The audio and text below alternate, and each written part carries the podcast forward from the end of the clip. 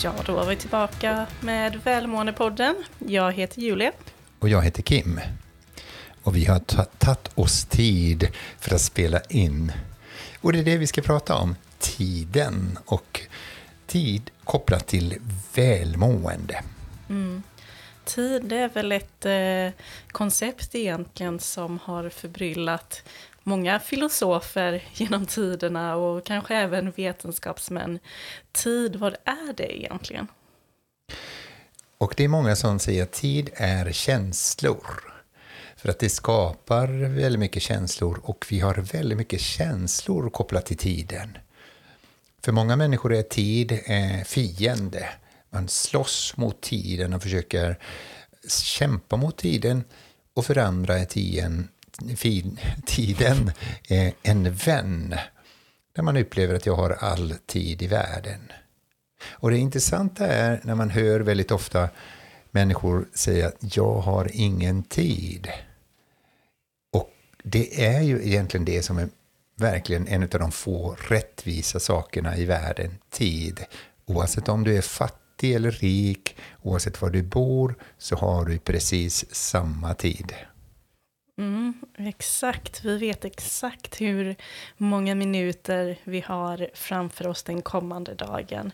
Um, och om det är så att man känner att eh, tid är någonting man fightas med och eh, det är ingenting som hinns med, då är det väl det klassiska livspusslet som man brukar prata om.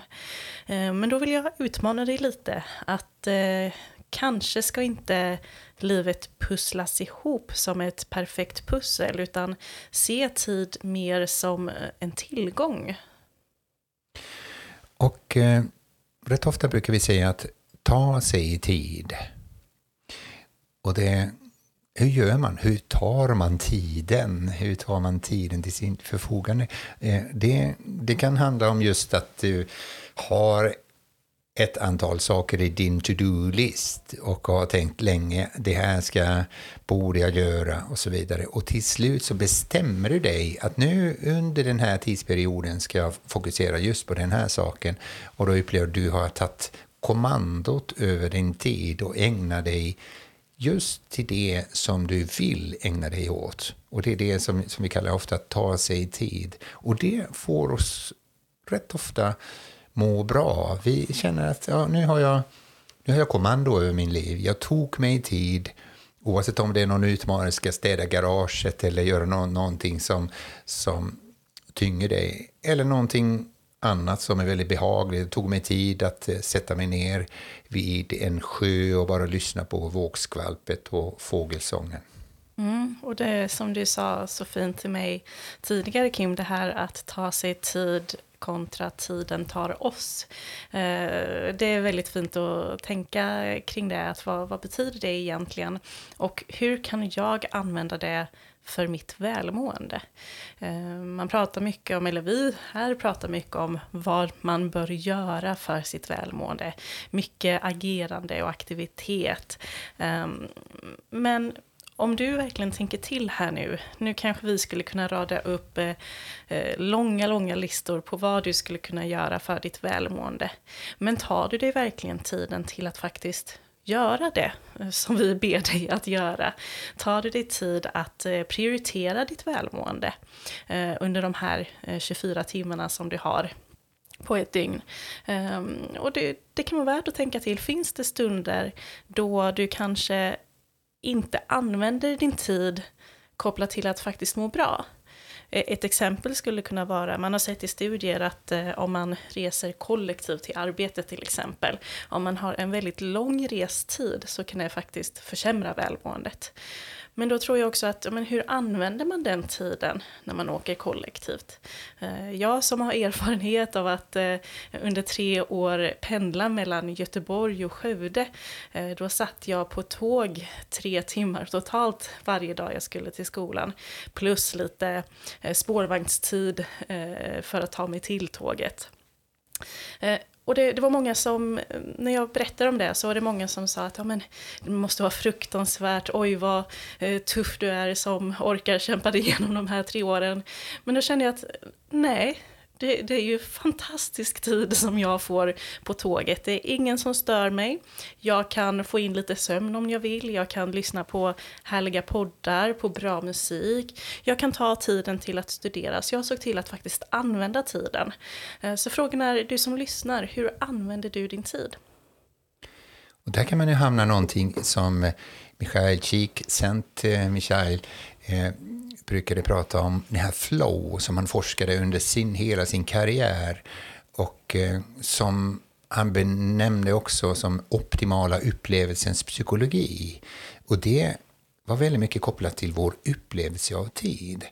När vi hamnar i det läget när vi upplever flow, och det är balansen mellan de kraven som ställs oss och vår förmåga när vi upplever att vi behöver anstränga oss och göra någonting och ändå klarar av det så kan vi uppleva den här flow-känslan. Och då är det rätt ofta tiden flyger iväg eller tiden står still. Så vi tappar uppfattningen om tiden och då betyder inte den så mycket som själva upplevelsen där vi befinner oss i. Mm, så vad skapar flow i ditt liv? Eh, har du koll på det? Vad är det som gör att du verkligen kan eh, eh, hamna i den här känslan av att tiden försvinner, men efteråt att du ändå mår väldigt bra utav det? Eh, och sen, vi pratar mycket om att använda sin tid.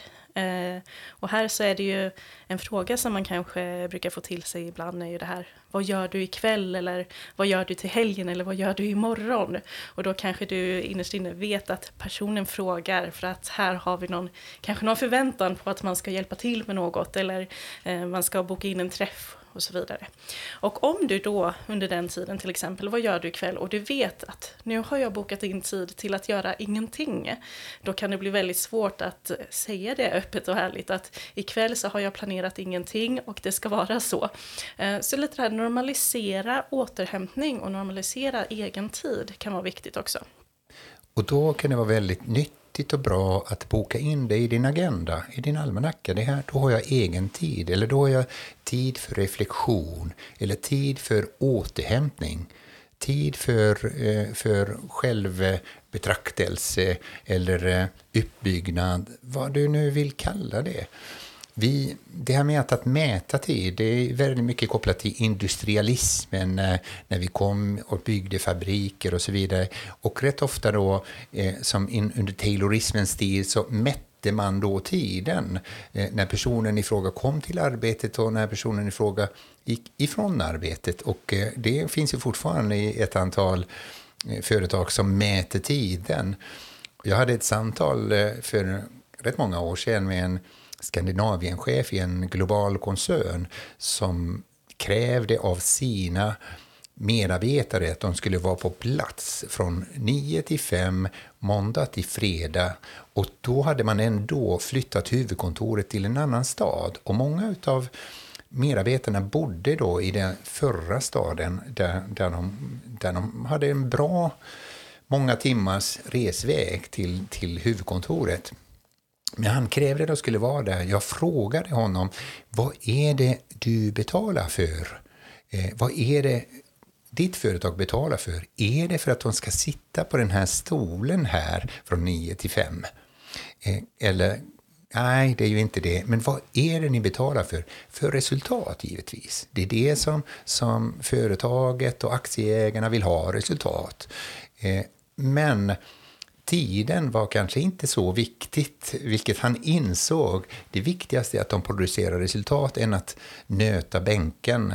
Och det samtalet har vi haft rätt mycket nu då efter och under pandemin, då var vi befinner oss. Men det är rätt mycket kopplat också då, hur mäter vi tiden? Och en annan eh, människa, en annan ledare som jag coachade för ett antal år sedan, han nämnde när hans kollega ringde honom hur, och frågade hur mycket jobbar dina säljare? Han sa att jag vet inte. Hur mycket reser de? Ja, jag har inte riktigt koll på. Eh, och så ställde han ett antal frågor kopplat till tiden. Och till slut så frågade han Mäter du ingenting? Jo, han svarade. Resultat är det enda jag är intresserad av. Om de jobbar två minuter eller 20 timmar per dygn, det är upp till dem. Det viktigaste är att de producerar resultat. Och vi är, vi är ledande i Norden, så nummer ett. Så att eh, när vi är där så behöver jag inte mäta de sakerna. Så tiden är väldigt olika viktigt för oss som, också som individer. Precis, och det, det, är ju någonting som pratas mycket om nu. Eh, bland annat har jag hört att Spanien ska gå ner eh, i sex timmars eh, eh arbetsdag, i alla fall inom vården, och testa det om det, om det ändå skapar resultat. Eh, så det är väldigt mycket fokus på tid och speciellt inom forskning och vad är det som egentligen eh, skapar den här produktiviteten. Och då är det en forskare vid Stanford University som bland annat eh, har eh, publicerat studier där man sett att medarbetare som arbetar 70 timmar i veckan, de producerar inte lika, eller de producerar inte mer än någon som arbetar 55 timmar i veckan. Eh, så att den här hela tiden strävan om att man ska vara produktiv hela tiden kan ha en motsatt effekt. Och sedan så har man också sett att medarbetare som då faktiskt spenderar arbetstid eh, upp till 55 timmar i veckan, där så finns det ingen kreativitet kvar. Och kreativitet är ju otroligt viktigt som medarbetare, att kunna lösa problem och eh, också kunna må bra i arbetsdagen. Så det här strävan på att hur många timmar, det kanske är där vi ska ta ett steg tillbaka och fundera på istället hur, hur stor tillgång har jag och hur använder jag den här tillgången? En sak som kan hjälpa dig att börja prioritera om din tid och som sagt, som vi nämnde, ta dig tid och känna att du har kommando över din tid oavsett om det är planerade aktiviteter eller du upplever att nu är det en tid för oväntade upplevelser. Det kan också handla om, men du upplever att det är du som har kommandot, kan ju vara eh, hjälp till dig att gå ifrån to-do-list till tada-list som vi har nämnt tidigare. Då. Istället för to-do, att tänka, ha en lång lista på saker och ting som du ska åstadkomma, skriver du en lång lista på saker och ting som du har åstadkommit. Saker och ting som du har gjort, som du har, verkligen kan vara stolt över och tänka det här fick jag gjort och det här klarade jag av. Och eh, ju mer du fokuserar på stoltheten och tacksamheten så tränar du dig själv att se med det i vardagen och ta vara på den tiden som finns. Ja, så få in känslan i tiden. Och är det så att du nu lyssnar här och känner, ja men vart börjar jag då? Jag har så mycket i mitt liv att jag, jag vet inte ens hur jag ska ta det här första steget. Då är mitt tips till dig att börja faktiskt notera vad det är du gör under en dag. Eh, känslan är kanske att du har otroligt mycket att göra. Men om du verkligen noterar, vad gjorde jag den här senaste halvtimmen? Och så noterar du under hela dagen, så kanske du inser att mycket tid spenderas till till eh, scrollande och, eh, på sociala medier till eh, bara ögna igenom mail men det skapar ingenting och fundera sen på okej, okay, så vad är det för tid här som jag spenderar som inte ger mig någonting, varken i form av produktivitet eller välmående och sedan lösningsfokuserat. Okej, okay, så hur kan jag tänka till inför kommande dagar? Eh, jag coachade en ekonomichef i ett företag, en, en koncern, eh, en gång. Så nämnde jag och gav tips att du ska ta ett par timmar då en dag i veckan och plocka bort, stänga av telefonen och mejl och allt möjligt och bara finnas där och tänka, planera din vecka, planera din framtid och ditt liv och eh, han tyckte att det var väldigt svårt, det var, en, det var en tuff uppgift. Men till slut så fick han den vanan. Och när jag intervjuade hans efterträdare så berättade hon att okej, okay, det här var den första saken jag fick lära mig. Att jag skulle ta ett par timmar i veckan och bara stänga av allting och att ingen stör mig för att kunna planera och eh, finnas, vara där och bli mer produktiv och kreativ. Och det fungerar. Fantastiskt. Och den här att verkligen eh, få möjlighet att tänka sina tankar. Det, det, är mycket som snurrar, men när man stannar upp och verkligen skapar ett rum utan notiser, utan yttre påfrestningar på något sätt och var, verkligen får lyssna på sina tankar och tänka och också, som vi pratat om här, skriva ner. Vad är det som dyker upp i tankarna? Bara det kan skapa medvetenhet och en insikt i vad, vad är det jag vill i livet och vad är det jag vill prioritera. Men också vad är det som faktiskt på riktigt får mig att må bra. Eh, idag så brukar andra berätta för oss vad som får oss att må bra och det, inte minst här i Välmåendepodden, vi berättar för dig vad du behöver för att må bra. Men tänk till, vad, finns det någonting i det som du matas om via din omgivning och sociala medier och poddar och fundera på, men för mig, vad är det som fungerar för mig? Och ta sig tid till att fundera och landa i sina tankar. Det var en brottsling som hamnade i fängelset och satt där 27 år eh, på grund av att, att eh, han betraktades som en, som en fiende för staten och eh, hans gärningar var inte godkända. Och när han kom ut därifrån så blev han president för landet och ändå hade han suttit i isolering i 17 år. Det var Nelson Mandela som under den tiden använde tiden väl för att tänka till, planera sin framtid och så vidare. Du behöver inte använda 27 år, utan det kanske ibland räcker 27 sekunder för att landa i tanken. För att citera skalden, alla dessa dagar som kom och gick, inte visste jag att det var livet.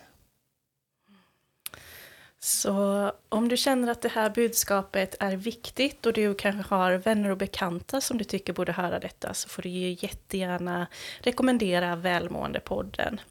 Vi finns ju även på sociala medier. Välmåendepodden heter vi på Instagram och Facebook och du kan även följa oss privat på LinkedIn. Och ta dig tid, även om det är bara 27 sekunder just nu och andas in och andas ut och känn att du lever.